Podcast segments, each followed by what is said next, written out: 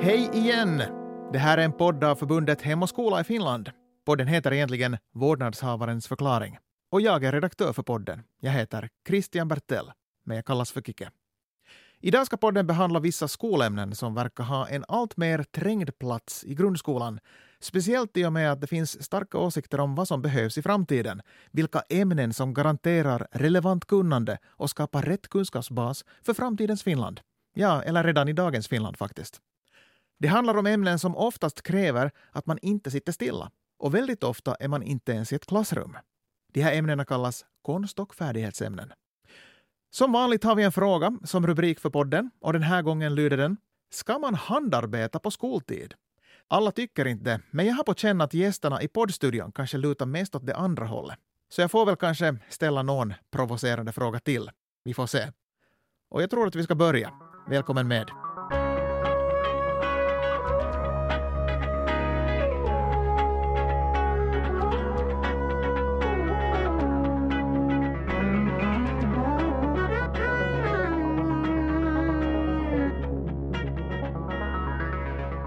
Och då har vi samlats än en gång här i Hem och skolas eh, poddstudio och det är dags att uh, välkomna gästerna. Och då börjar jag med Malin Eriksson som är överinspektör för bildningsväsendet på Regionförvaltningsverket, svenska enheten. Välkommen! Tack så mycket. Blev det rätt där nu med alla? Ja, jag tror du fick riktigt alla stavelser rätt. Faktiskt. Riktigt fint, för det är en utmaning. Ja, det är få som klarar det. Och välkommen också till Sören Lillkung som är Svenska kulturfondens direktör men också operasångare, körledare och kanske inte alla vet det, också en statsvetare. Välkommen. Tack. Vi kan väl nämna också att du har varit rektor och chef för en del musikutbildningar i svensk Finland. Mm. Det finns... Uh, någon gång i tiden. Någon gång i tiden, ja. Och sen förstås Mikaela Romanchuk som är verksamhetsledare för förbundet Hem och skola i Finland. Välkommen. Tack så mycket. Och vi börjar som vanligt med frågan som också är vår rubrik. Ska man handarbeta på skoltid? Ja, Malin, vad säger du? Också på skoltid säger jag. jag tycker det är jätteviktigt att använda händerna. Vi glömmer så lätt att vi är liksom en hel kropp och en helhet. Att huvudet sitter ihop med resten. Mm. Så att man behöver absolut använda kroppen också. Precis. Och Sören, vad säger du till den frågan? Absolut. Jag tror det är, att det är viktigare än vi tror det här med, med att vi tränar motoriken från tidig ålder. Och vem minns inte när man fick sy på våffeltyg i skolan? Och hur, först, hur svårt man tyckte det var först och hur glad man blev då man lyckades. Det hade också en sån mental effekt. För det, ändå var det så pass överkomligt så till och med jag klarade det. men, men viktigt att träna. Jättebra. Och Mikaela, vad har du för svar på den frågan? Nu de här senaste dagarna har jag funderat ganska mycket på det och på något sätt så kanske jag alltid har tänkt att det är klart att man ska handarbeta eller hålla på med slöjd eller musicera i skolan. Men när jag har tänkt på det så jag har jag tänkt att vad hemskt om vi inte skulle göra det. Och, och, kanske också insett att det är inte alls i alla länder man gör det i samma utsträckning hos oss. Så att jo, jag tycker att det är jätteviktigt och det är ganska ljuvligt när du talar om det här våffeltyget. Jag kommer plötsligt också ihåg den där känslan och det som jag kommer ihåg faktiskt är det här, den här känslan av att lyckas. Också förstås att det blev lite knutar, men det redde man upp och så var man jättestolt över de här olika stygnen. Hey, vi kan väl fortsätta med att vidga begreppen, för inte är det bara handarbete vi pratar om idag. Det fick bara vara med i rubriken, utan vad vi pratar om är egentligen konst och färdighetsämnen. Och då innefattar det ju också till exempel bildkonst, slöjd, musik. Men borde vi kanske också ta in huslig ekonomi och gymnastik i det här? Vad säger ni? Jag skulle nog räkna dit de konst och färdighetsämnena. Mm. Ja. Men jag tänker att eh, kanske ändå mest alltså gymnastiken brukar behandlas oftast helt skilt från det här, även om de brukar räknas in i det. Så att, eh, vad, vad, vad, tror ni om det här egentligen? Borde gymnastiken plockas in i, i den här helheten? Eller om man tittar på timfördelningen i läroplanen så hör det ju under just konst och färdighetsämnen. Men att det, där, det är kanske lite en annan sak. Kanske vi kan göra en egen podd om gymnastikundervisningens betydelse. Ja. Jag tror att gymnastiken har fått en förhöjd status för vi betonar jättemycket fysisk hälsa och man ska motionera för att må bra och så här. Så därför tror jag att vi liksom nu tycker att det är någon egen sort. Men jag tycker mm. att vi ska höja statusen på alla de här ämnena. För det handlar ju nästan i alla de här, de här genrerna så är det ju kroppen som är aktiv. Precis. I alla mm. konstämnen. Så det är alltså helt och hållet kroppen som arbetar. Men det som jag tror är då speciellt med gymnastiken, då vill ju det här tävlingsmomentet smyga in. Och då blir det ju direkt värre. Ja, just det. Du är inte en tävlingsmänniska, Sören? Jo, det är just det jag är och därför minns jag hur hemskt det var, därför att då ska man ju tävla. Ja, så då ja. blev jag taggad direkt och då blev det också då blir det nog också liksom tyngre direkt för då blir det den här jämförelsen. Mm. Och sen är ju inte alla tävlingsmänniskor, Nej. så de lider kanske av om alla andra tävlar. Ja. jag hör kanske till den gruppen då, som inte förstår varför man ska tävla i allt. Precis. Men jag tänker återgå lite grann till ja, slöjd faktiskt. Jag hittade en intressant eh, kolumn från Expressen 5 januari 2016. Ann-Charlotte Marteus, eh, journalist och debattör, hon ställde upp med motsvarande debatt som vi håller på med nu. Och då handlade det om slöjd. Och den här krönikan hade följande rubrik. Hur många smörknivar tål Sverige? Och det var ganska roligt. Jag ska citera lite så får ni reda på mera. Är detta verkligen nödvändigt, det vill säga slöjd? Uh, ungarna har 17 skolämnen att hålla i huvud och nerver och ständigt kommer krav på att införa nya, moderna ämnen. De borde lära sig kinesiska, programmering, livskunskap. Vi kanske borde sålla lite bland de ämnen som finns istället. Slöjdobligatoriet skulle kunna tas bort, åtminstone på högstadiet. Låt eleverna välja fritt mellan de estetiska ämnena bild, musik och slöjd. Då kan den som vill förkovra sig. Och kolumnen ledde till en hel del uppståndelse i svenska lärarkretsar och Ann-Charlotte fick motta en hel del snidade smörknivar på posten i protest. ja, men vad, vad tror ni om den lilla provokationen? Jag tror ju kanske att det ligger en gnutta sanning i att vi har väldigt finfördelade ämnen där. Det som vi behöver lära barnen är basfärdigheter för ett fungerande liv i framtiden. Och det är ju sen kanske definitionsfrågor hur man definierar det ena och det andra och det sjunde. Jag tänker till exempel på våffeltyget, det handlar jättemycket om programmering, tre steg upp, tre steg åt sidan, tre steg ner, tre steg åt sidan. Att, att liksom, vi glömmer att den där kunskapen redan finns i väldigt mycket. Det var för övrigt kvinnorna som programmerade i början. Nu har det blivit en karabransch. Men det var just för att de hade det här tänket färdigt. Du tänker på månlandningen och sånt. Jag har för mig att det finns filmer om de här kvinnorna som beräknar alla de här beräkningarna inför månlandningen för NASA Ja. och sånt här. Ja. Mikaela, reagerar du förresten på det här? Ja, alltså, jag kan ju lite förstå eftersom jag själv är klasslärare och har, har kanske nu inte snidat smörknivar med mina elever men kanske snickrat ihop ibland något fågelholkar eller något sånt. Att, att det kan ju hända att det för en förälder känns så ibland att det är de där samma produkterna som kommer hem. Samtidigt så det finns ju så mycket dimensioner. Du var inne på det här med programmering och du var Sören inne på det här med liksom fingerfärdighet om man jobbar med kroppen och idag vet man hur, liksom, vilken koppling det här att man jobbar med kroppen, alltså rent finmotoriskt men också fysiskt, vilken betydelse det har för välbefinnande, för hjärnan, för arbetsminne. Att, att jag är inte expert på det här men idag vet man liksom hur stor betydelse de här färdighetsämnena har för inte bara liksom vårt välbefinnande utan helt enkelt också för vårt tänkande.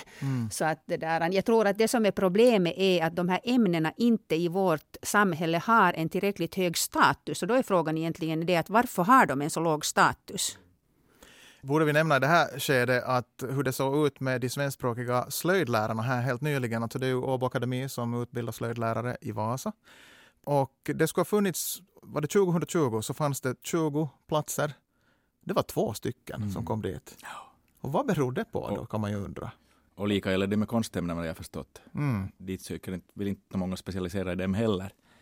Jag tror det är en sån här ond spiral. Att vi har skurit ner timantalet, nu minns jag inte vilket år, som det, men det har droppat ner mycket från 70-talet till exempel, när, 80-talet när det blommade. Så har man skurit ner konst och färdighetsämnena, vilket gör att du inte ens har den där basfärdigheten, att ens tänka dig att du kanske skulle vilja söka till det här. Och så blir det liksom en, lärarna har en sämre kunskap från början när de börjar studera, de läser mindre av de här ämnena under studietiderna och så blir det liksom en nedåtgående spiral så att man inte ens liksom förstår vad man saknar. Nej, och det som är riktigt på sätt, det som är konstigt, det, det går ju säkert i vågor det här, för att det var ju jättepop för, för 30 år sedan, så ville ju alla syssla med konstämnen och då, jag minns alla ville spessa i musik som det hette då vi, vid PF i Vasa. Men, men på något sätt så, nu har det blivit, så- när vi fick hela teknologin med telefonen och allt som nu är det enda saliggörande, så blir det också att konstämnena på något sätt får en, tar en, sig en sån dimension, det blir mitt i allt icke-fysiska. Och det blir jätte, liksom, man, man gör också musik via nästan telefonen. Och det blir väldigt liten del av, av, av kroppen som är aktiv mitt i allt. Alltså så konstämnen har också de har på något sätt marginaliserats både rent kvantitativt men också på något sätt kvalitativt har de blivit på något sätt eh, på teknikens villkor jättelångt. De har blivit ganska digitaliserade om man, om man säger, för man kan ju också skapa via telefonen men man gör det på ett helt annat sätt. Nu börjar jag tänka på, Åbo Akademi är ju med med tre andra universitet i någonting som heter Innokomp. Som är sån här, vad de försöker utveckla just eh, slöjden och handarbetet och de försöker göra det till ett ämne. Ja. Och det kanske det redan är i viss mån. Jag nu känner jag till det länge sedan sist jag gick i grundskolan. Men alltså där så försöker de just med tänka på digitalitet och, och, och sånt här och plocka in liksom de grejerna. Jag kan citera från Åbo Akademis egna sidor.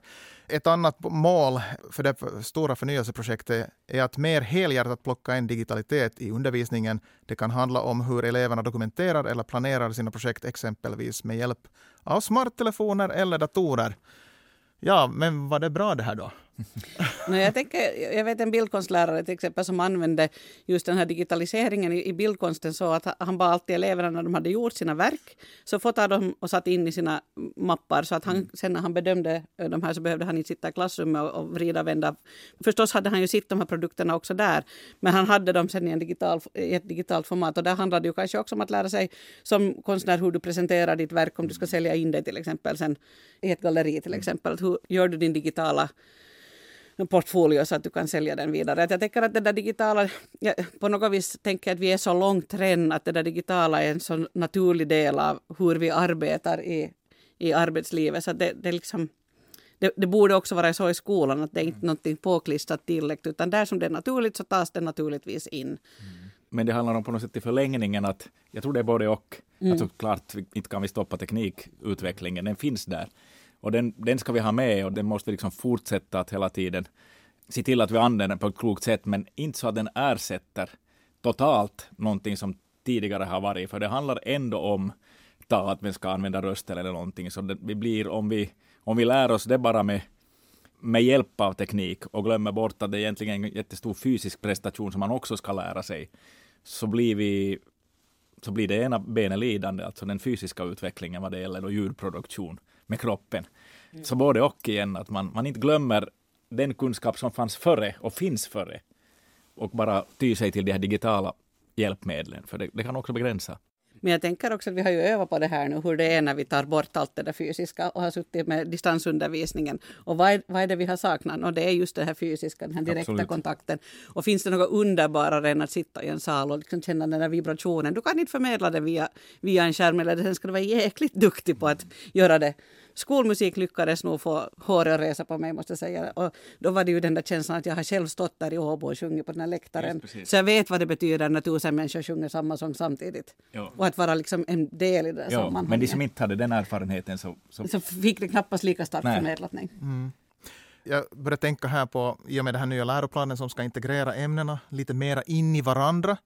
Men tittar man bakåt i folkskolans tid så var det ganska integrerat tydligen just och då talar man om teckning kanske mera än bildkonst. Musik också. Ja, musiken. Och ja. musiken var involverad i modersmålsundervisningen. Absolut, ja, alla har vi sjungit vokalerna. Ja, just det. Och, månaderna. Och så förstod jag, jag såg såna här, no, det här var från 1800-talet, eh, från någon svensk skola, men alltså det är en sån här webbsida som heter Stockholmskällan som berättar om Stockholms historia. Och då hade de alltså från en skola bilder från, det var någon typ av biologitimme, det hette säkert inte biologi då, men då, då skulle de alltså rita av eh, sakerna som de lärde sig om och det var en tolvåring som ritade någonting som såg ut som att det skulle vara från sista året i gymnasiet eller någonting i den stilen. Och, och, att det var då på den tiden en del av att eftersom inte man hade kopieringsapparater, men då ritade du av allting. Och då var det också integrerat liksom in i andra ämnen. det här. Att, eh, men då var det säkert också mer vet du, teknikbaserat. Inte så mycket att uttrycka dig själv, vilket är kanske mera idag. Ja. Det sa du, att uttrycka sig själv grejen mycket. Alltså, det är ju individualistiskt. Mm om man tänker vad, vad, man lärde sig när jag var liten, så då var det ju mycket, det var kollektivet, att vi skulle sjunga tillsammans för att på något sätt hitta varandra. Då kom ju, sen kom ju World Music som gick helt på att vi skulle dansa tillsammans och vi skulle känna in kontingenterna och vi skulle bli ett, hela planeten. Då var det väldigt idealistiskt. Men idag så gör man ju, om man ska sjunga så är det ofta för att jag vill någonstans. Jag vill prestera det här och så ska jag gärna göra en hitlåt och det ska bli till någonting.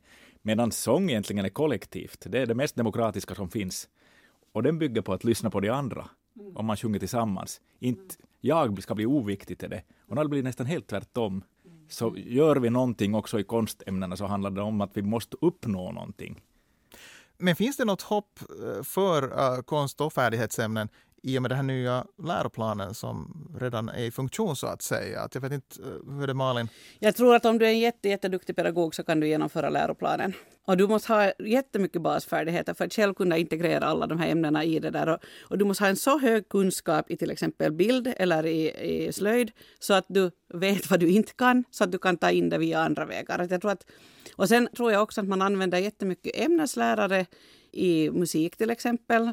Och då, för jättemånga är osäkra, det, det kom fram också här i en artikel som jag läste, att bara en, en fjärdedel av klasslärarna känner att de överhuvudtaget kan på någon nivå undervisa i musik. Och då är det liksom deras behörighet att de kan undervisa musik.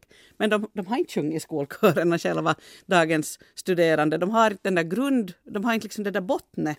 Och då vet de inte heller liksom vad man går förbi. Och då, då tänker jag just det här med att sjunga månader och vokaler och klappa rytmer när man ska lära sig finska och sånt. Så det, det är så avlägset och det är så avskuret. Och då är det musikläraren sen som har sin två timmars show när julfesten mitt i allt är. Och musikläraren står med håret på ända, också de andra lärarna. Men det är musikläraren ofta som har fått agera körledare för samtliga klasser och som sen ska uppträda, eh, klassen alltså ska uppträda. Och där tänker jag att man tappar lite av den där integrationen om man har mycket ämneslärare. Det är jättesvår balans där. Att kunna ha ändå den där ämneskompetensen men samtidigt att det inte liksom blir en lösryckt bild och hålla ihop den där skoldagen på något vis. Ja. Mikaela, du har inte fått säga något.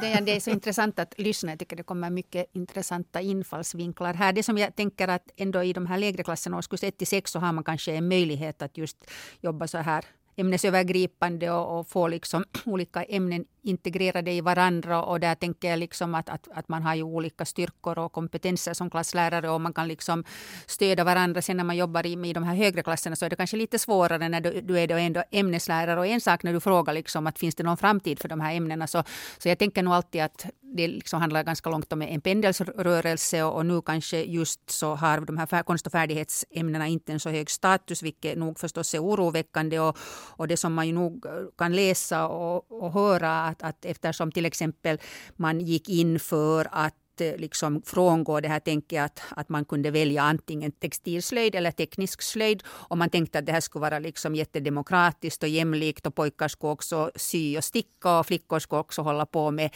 teknisk slöjd. Så det har ju inte liksom nått det resultat som man hade önskat. Tvärtom så har det ju liksom minskat på pojkarnas intresse för, för båda ämnena. Därför för att det blir ett sånt ytskrap både när det gäller textilslöjd och teknisk slöjd. Och, och som vi diskuterade här tidigare att, att till exempel om vi nu kallar dem för mopopojkar så tappar helt intresse för den tekniska slöjden eftersom de inte får liksom verkligen mecka med de där mopporna som de kanske tidigare har fått. Och sen en annan sak som faktiskt förvånar mig, jag visste inte och jag skäms lite över det, att, att nu för tiden så har man ju inte heller på universiteten att man kan välja att bli antingen lärare i teknisk slöjd eller textilslöjd, utan det är liksom slöjdvetenskap. Och du var inne, Kike, på att 2020 hade då PF, som det inte heter mera, vad heter det nu för tiden? FPV. FPV, tack, så hade bara två sökande och det förvånar mig kanske inte för att det är kanske inte så många som vill bli liksom både upp och kunna lite något ytskrap. Så att här tänker jag att vi har tänkt fel och då tror jag att det skulle vara viktigt att man också skulle liksom dra öronen åt sig och fundera att hej, det här blev inte så vi hade tänkt, nu måste vi ändra på läroplanen, tänker jag. Mm. Jag tänkte också på den här frågan om, om de här ämnena har en framtid. Och det tänker jag absolut. Och det var vi också inne på här lite tidigare på förmiddagen. Om den här hållbarhetsaspekten. Lära sig reparera. Lära sig skrapa och måla om en stol eller lära sig sy knappar. Lära sig laga mat på rester. Och att, något, att alla de här färdigheterna finns i de här ämnena också inbakade, tänker jag. Det här är alltså den här folkskoleversionen av slöjd och hemarbete.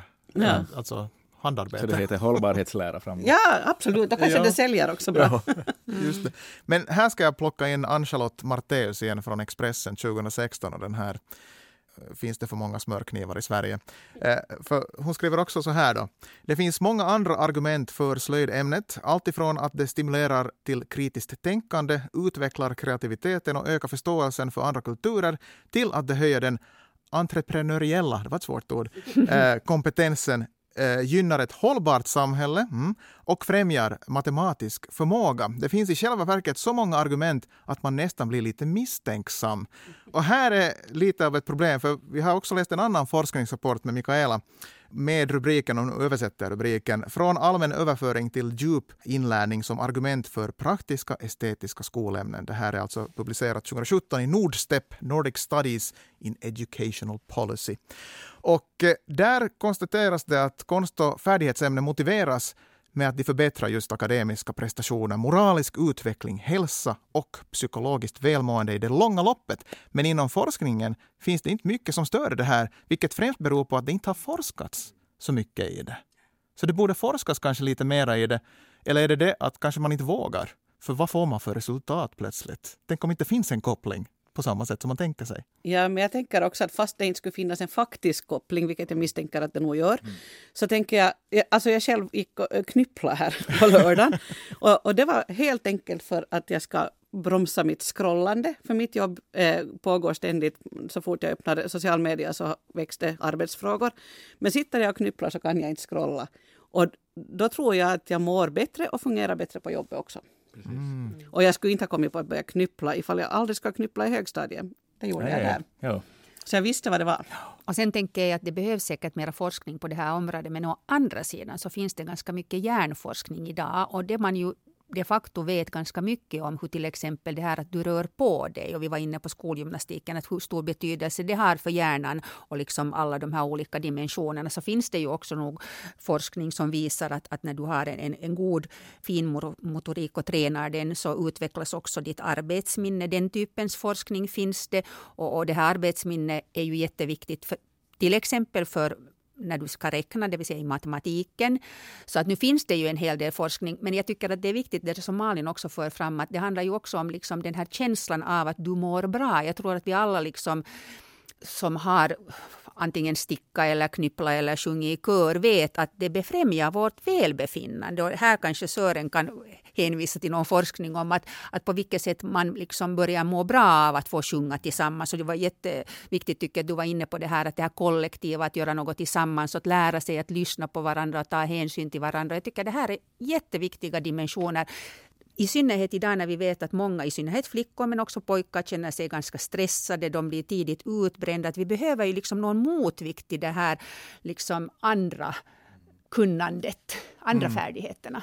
Bildningsfärdighet eller vad kallas det? Vad är det där andra ordet? Ja, jag har faktiskt funderat på det själv också. Akademisk kunskap. Akademisk ja. kunskap. Ja.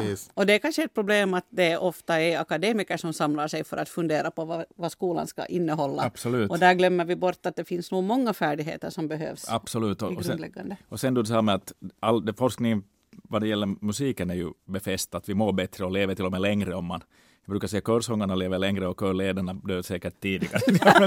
det stämmer nog inte, det, det finns det inga belägg för. Men, men sen det som Kanske jag, man inte har forskat i det Nej, precis. Men det som jag tyckte då, eftersom jag hade lättare för musik, jag var helt klart, hade jag, hade jag någon form av bättre möjligheter ännu områden. Men, men slöjden var viktig för mig. Jag tänker på det ännu. Jag ser den där tändstickshållaren där hemma, där jag har tändsticksaskan. Den har jag gjort. Och sen har jag en trana, vi har alla tranor i Jakobstad. Jag tror slöjdläraren jobbar hårt och så slipar vi lite med sandpappret. Men det var liksom ändå, det där, där finns den där tranan. Så har jag tre bord kan ni tro, som jag gjorde på nian.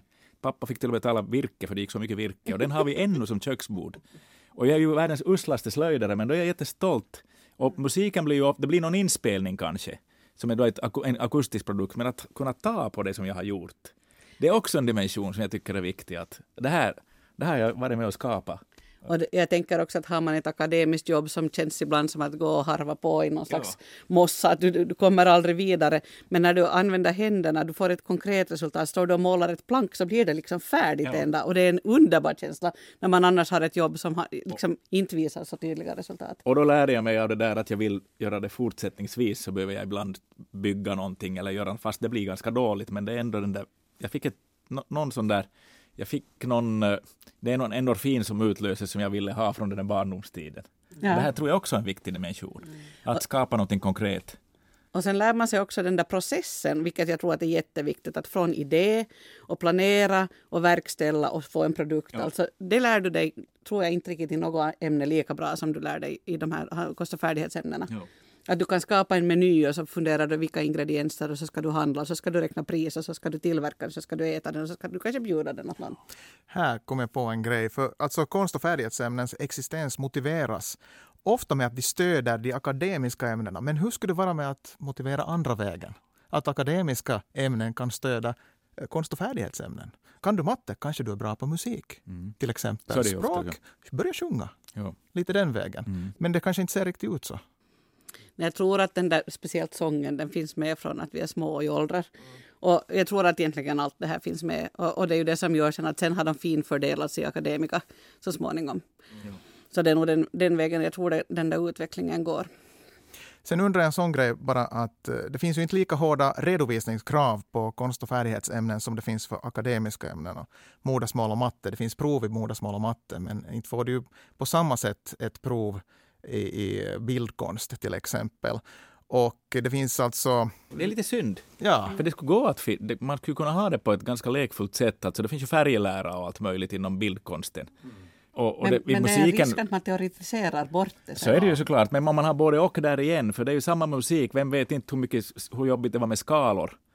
För att det, det har ju ta- tagit död på många ung musikers intresse att fila skalor. Men bara man använder det också på rätt sätt och får det på något sätt få också musikteorin. Det, en bra pedagog kan få det ganska roligt så att man får, får det i en andra vägen. Den tiden jag gick så hade vi ju, man skulle kunna en viss, ha en viss förstå sig lite på notskrift och sånt här. Det är ju lite som att lära sig läsa. jag har en liten anekdot angående Ja. det där. Min äldre dotter som började spela piano via den här Suzuki-metoden. Och Suzuki-metoden ska man göra med gehör, alltså att, utan noter. Och vi höll på med det där i ett par år och det gick inte så himla bra. Tills eh, vi bytte till vanlig teoretisk musiklektion. Ja. Och plötsligt så lossnade det. Precis. Och då började hon spela och då blev hon jag tror ivrig. det är både och igen. Ja.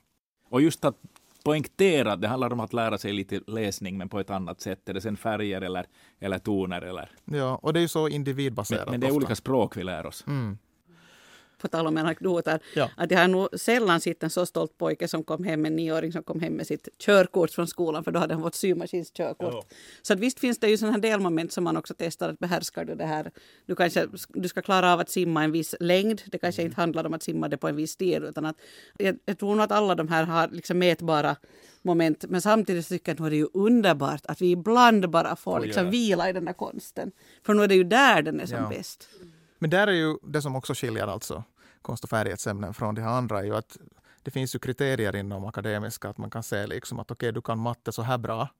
Medan sedan är det mera beroende på läraren i de här konst och färdighetsämnena och de bestämmer sedan betyget ganska långt att, att det är som också individbaserat på den på det stället så att säga. Jag vet inte hur det sen inverkar i, liksom, i det här resten av. Men jag tänker att det som, där som man åtminstone ser det tydligt att de här akademiska ämnena så leder ju när du söker vidare efter andra stadiet eller kanske den efter nian söker vidare så får du poäng enligt de här akademiska ämnena medan de här konst och färdighetsämnena inte ger poäng.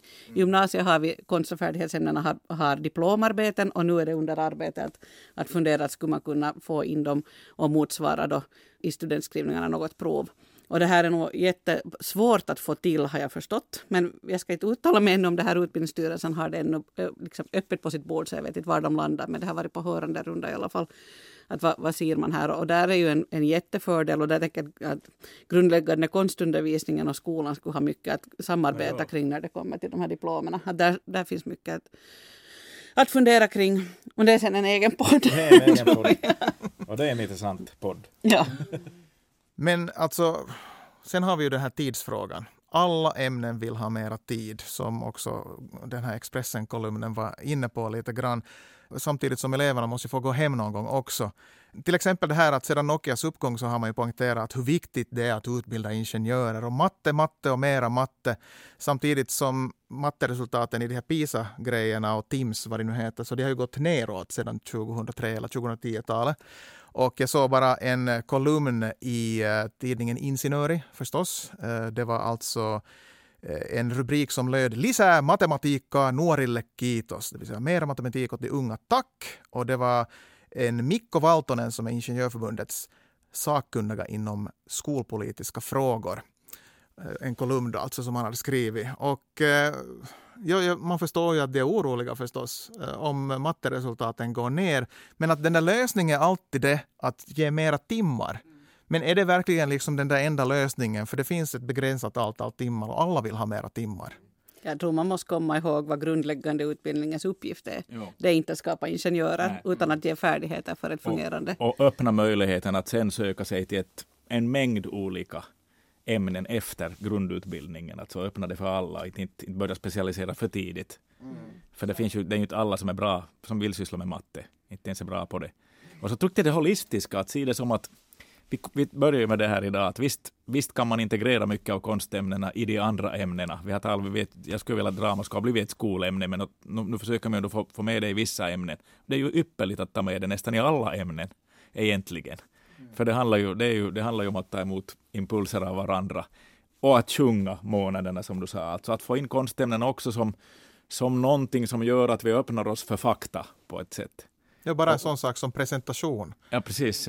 Det har ju allt med drama att göra. Alltså, Absolut. Om man kan presentation i sitt framtida jobb så klarar man sig antagligen ganska bra, ska jag tro. Så vill Valtonen har mera matematik så tycker jag att då måste man också se till att de andra ämnena finns runt matematiken där. Ja, ja. det är absolut. Och, för, och förlösa den på något sätt. Ja, och vad ska du ha den där matematiken till? I slöjden så står du och räknar dina... Du, du måste räkna ut att du ska såga på den här sidan strecket för annars blir det för långt om inte du sågar på rätt sida strecket. Du behöver det när du stickar, du måste lägga upp dina maskor och räkna ut att, att det måste vara delbart med sju för att kunna ha en sån här mönsterföljd för att annars så blir det snett. Rytm är matematik. Ja, absolut. Så att jag, jag, du tappar ju matematiken om du tar bort konst och färdighetsämnena. Ja. Och då, vet du, då blir det liksom bara nummer. Du behöver det där stoffet runt det.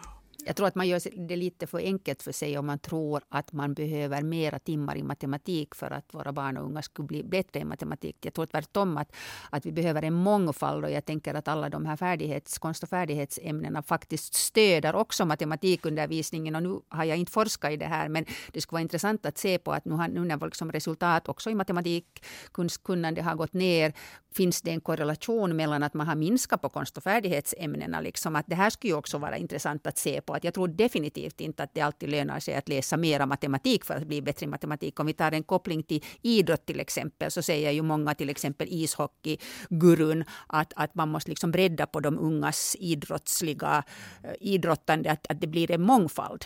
Mm. Du hade ju, Mikaela, grävt fram en sån här lista över årsveckotimmar, att vad som går vart. Och det är väl minimimängden är 224 eh, årsveckotimmar överlag på alla ämnen eh, valbara borttagna, tror jag där då. Eh, men en lite över en fjärdedel, 62, eh, går i grundskolan till konst och färdighetsämnen, men utan gymnastik faller det sen till under en femtedel, 42 räknar jag. Det här, eh, ja, inte vet jag vad som är tillräckligt och hur man ska sedan tänka. Och där är dessutom de flesta timmarna placerade i 1 till 6. Just och sen det. blir du mer och mm. mer akademisk. Och sen var det, var det du Mika som hade läst någonstans att, att du väljer inte heller ett ämne du inte har haft. Du behöver den där förkunskapen om vad det är, så för är det. att kunna välja den. Man får nog på något sätt vara glad för att man växte upp den tid man gjorde, för det var så enkelt på många sätt. Men, men då var det ju att i grundskolan, så där gjorde vi allt. Mm.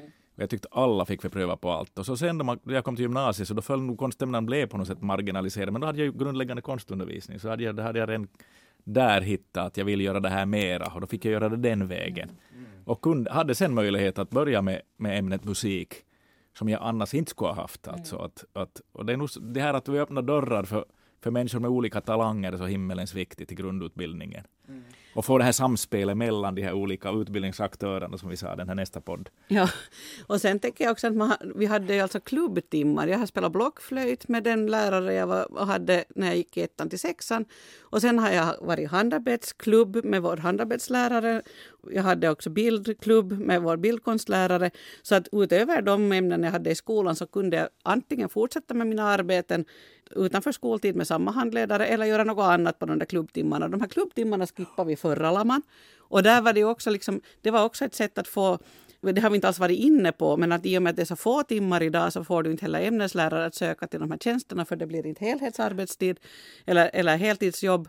Och då, och då söker inte kompetenta människor till de här. Och det, det är också en sån nedåtgående spiral som man lite tappar. Men, men det, det, är också en lång diskussion. Ja, jag hade faktiskt skrivit upp precis det här att det, det verkar ju liksom gå ut över just det här att det kommer sedan det förklarar mängden icke-kompetenta ämneslärare i bildkonst och musik mm. till stor del. Att, eh, det, går inte att... det blir ju värre på svenskt håll var vi har så pass små skolor. Ja. Mm. På finskt håll kan det ändå, där finns det så pass många stora skolor, sen mm. det finns plats för en ämneslärare, men på svenskt håll är det ju ett jättestort problem. Mm. Fast då läste jag alltså, eh, nu minns jag inte riktigt var jag såg den här och det är ju illa nog, men, men alltså att, att i upp till 80 procent av skolorna erbjuds inte ens valbara konstämnen på nionde klass. Nej. Och det är ju 80 procent. Ja. Wow. Så de har börjat falla bort i ett tidigare skede nu för tiden. Ja.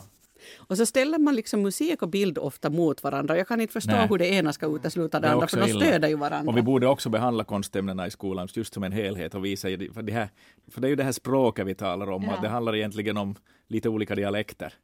Men det är så bild och, och, och ljud och allt, så det handlar om så mycket samma system, med lite olika sinnen. Och det här, jag tänkte att eh, det här systemet vi har nu så det funkar ju bättre i stora skolor. Medan sedan mindre skolor, så det är väl antagligen då därför det väljs bort för att de har vissa saker som de måste göra. Så då faller det mycket enklare bort att ta bort valbara bildkonst. Och om inte de har kompetenta lärare dessutom så är det lättare att ta bort det. Mm. Ja, och sen är det också hur kommunen prioriterar att, att hur stor grupp ska det vara för att vi ska kunna erbjuda en grupp i det här. Det finns också stora skolor där man inte till exempel får ihop de här språkgrupperna fast det i mina ögon nog är tillräckligt många som är intresserade. Och sen tappar man, det är liksom också den där kulturen och traditionen att man tappar sen då och blir det någon gång en glugg där man inte har en grupp i till exempel musik så ganska snabbt har du förlorat hela den där gruppen. Men jag tänkte på det där som Sören sa, just det här att, att du sa att när du gick i skolan så var det inte så valfritt Nej. utan att alla gick på allting och, och på något sätt så tror jag att vi har gått lite i en fälla att vi tror att det här att barn i en ganska tidig ålder får välja att det är väldigt demokratiskt men på något sätt tänker jag nu att det är kanske ganska odemokratiskt. För hur ska ett litet barn kunna välja? Och då blir man jättemycket påverkad förstås av sina föräldrar men av sina syskon och sina kamrater Och rådande trender. och rådande trender, att då kanske det ändå skulle vara bättre att i synnerhet i den den grundläggande utbildningen så skulle liksom det tanken vara att för att det skulle vara demokratiskt och rättvist så alla skulle få prova på allting för att sen kunna veta att vad finns det för möjligheter. För en sak som vi kanske inte har varit inne på här idag som, som jag vill ta upp att, att, att det är ju också finns trots allt idag yrken som tar avstamp, du var lite Malin inne på det, i färdighetsämnen. Och det finns liksom, jag läste just någon artikel att det, det finns ganska stor brist på kunniga liksom, hantverkare idag. Och, och vi kan inte fortsätta att göra allt i Kina. Det har inte minst den här pandemin påvisat. Att nu är det brist på alla möjliga delar till diskmaskiner. Vi fick vänta på vår i fyra veckor och det var inte något stort nöje kan jag berätta för er.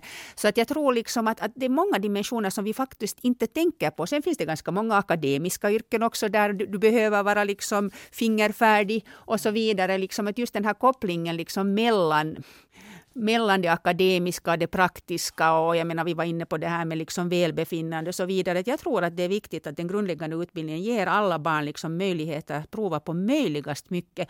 Du var inne Malin på det här med hobbyer och, och nu, nu har vi ju igen ett, en fin satsning i Finland som kallas hobbyverksamhet för alla och det är en bra satsning men jag tänker att, att alla barn har inte heller liksom, ges inte möjlighet att gå på musikinstitutet och musicera. Därför tänker jag att det är jätteviktigt att man i skolan har en högklassig musikundervisning för alla barn. Att jag tänker att det liksom ingår i, i en välfärdsstat att skolan ska kunna erbjuda liksom på ett brett utbud av både kunskap och färdigheter och upplevelser. Och sen är det kanske till och med kortsiktigt att tänka att det bäddar för ett yrkesliv. Jag tycker det handlar om ett livslångt lärande och en livslång utveckling. Och jag har funderat hemskt mycket vad vi ska sjunga på åldringshemmen när vi, vi sitter där. För jag tänker att den eh, sångskatt som vi har i våra skolor så är vi ganska snabbt utan om vi inte upprätthåller den. Mm, absolut. Sen en sån liten grej som motivation. Det fanns en sån här forskningsrapport från 2009 så där hade man intervjuat rektorer som tog fram att den här minskade mängden valbara konst och färdighetsämnen i början av 2000-talet gjorde just alltså undervisningen den gjorde den mera informationstung och gjort skolgången i de övre klasserna speciellt tyngre. Och det har minskat på motivationen bland eleverna. Att det finns en orsak varför man kommer till skolan också bland de här konst och färdighetsämnena, åtminstone för en del. Så den är väl också en sån här viktig aspekt och det går säkert att koppla ihop också med det psykiska välmåendet. Absolut, det tror jag Och- garanterat. Och visst minns man där hur viktigt det var då man hade som de ämnen man tyckte var tunga, matematik och de här allt vad man skulle, den tiden skulle man ju samla de här faktorna dessutom och så skulle man visa att man har fått dem i skallen och sen glömde man dem, det var ju inte heller riktigt. Men, men hur viktigt det var med de här ämnena då man fick på något sätt leka emellan. Och man fick som du sa också bara skapa sådär fritt utan att det här resultaten var sådär jätteviktigt. Att nu måste vi få liksom de oaserna också under vår skoldag. Så att blir det där för effektivt så nu är det många som faller av.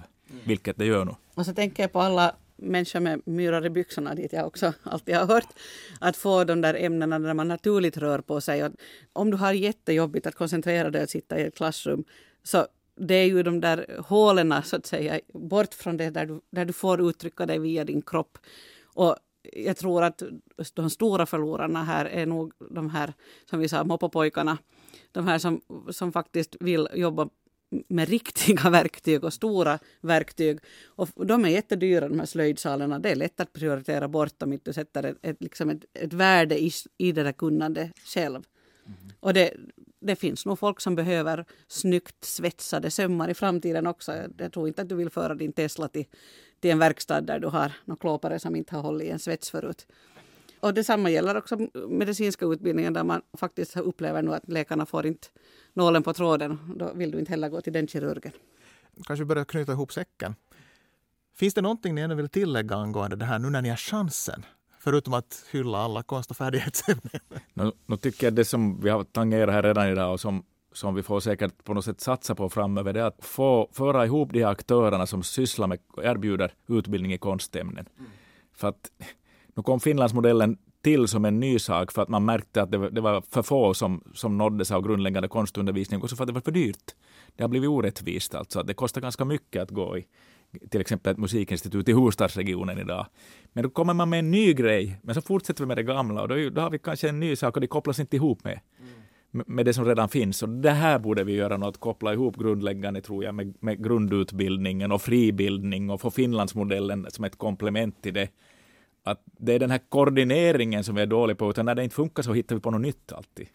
Men borde jag koppla ihop det här med, med frågan, ska man handarbeta på skoltid? För här låter det som att en del hoppar utanför skoltiden. Man ska handarbeta på skoltid. Ja, Absolut. det är svar. Men till det så kan man koppla till mera. Absolut. Ja. Just det. Men på något sätt är skolan fundamentet i allt. Ja. ja, jag tänker just den där grundskolans uppgift är just att ge den där bredden och att inte specialisera. Och där behöver du liksom stärka alla de här sidorna. Och alla familjer har inte möjlighet att ge den här. Det vet man också med grundläggande konstundervisning. Vi som har varit själva elever där har en benägenhet att föra våra elever till grundläggande konstundervisning. Medan andra kanske tycker att det är något hifistel och något fint och någonting liksom, ja, lite fint och inte för allmänheten. Medan skolans uppgift är att visa att allt det här är möjligt just för dig på något sätt så tänker jag att det också ganska långt handlar om status, det vill säga de här olika ämnenas status. Om vi tänker på de här senaste åren så talar alla om hur viktigt det är med lång matematik och det har blivit ett sånt mantra som man upprepar till den grad att alla unga börjar föreställa sig att det är liksom den enda vägen till lycka.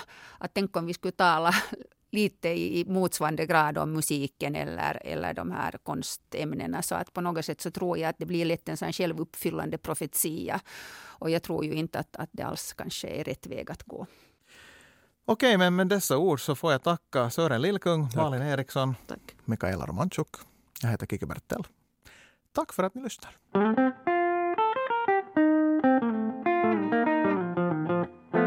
Jag stoppar beläggen nu, jag ska prata lite till.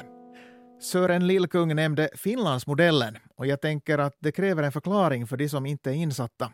Det handlar om hobbyverksamhet och målet med den är att öka barns och ungas välmående. Tanken är att det ska vara möjligt att i samband med skoldagen ha en hobby som är avgiftsfri, så att alla barn ska ha tillgång till minst en hobby. Vill du läsa mer om det här så finns det en artikel i Hem och skolas tidning med rubriken Det är roligt att vara tillsammans med exempel på sådan verksamhet. Det finns i nummer fyra för året 2021 och den går att hitta online på sidan hemochskola.fi. Sök under Aktuellt och klicka på texten Tidningen. Och det var allt för den här gången. Jag heter Kike Bertell och du har lyssnat på Vårdnadshavarens förklaring, en podd av förbundet Hem och skola i Finland. Låt samtalet fortsätta. Vi hörs.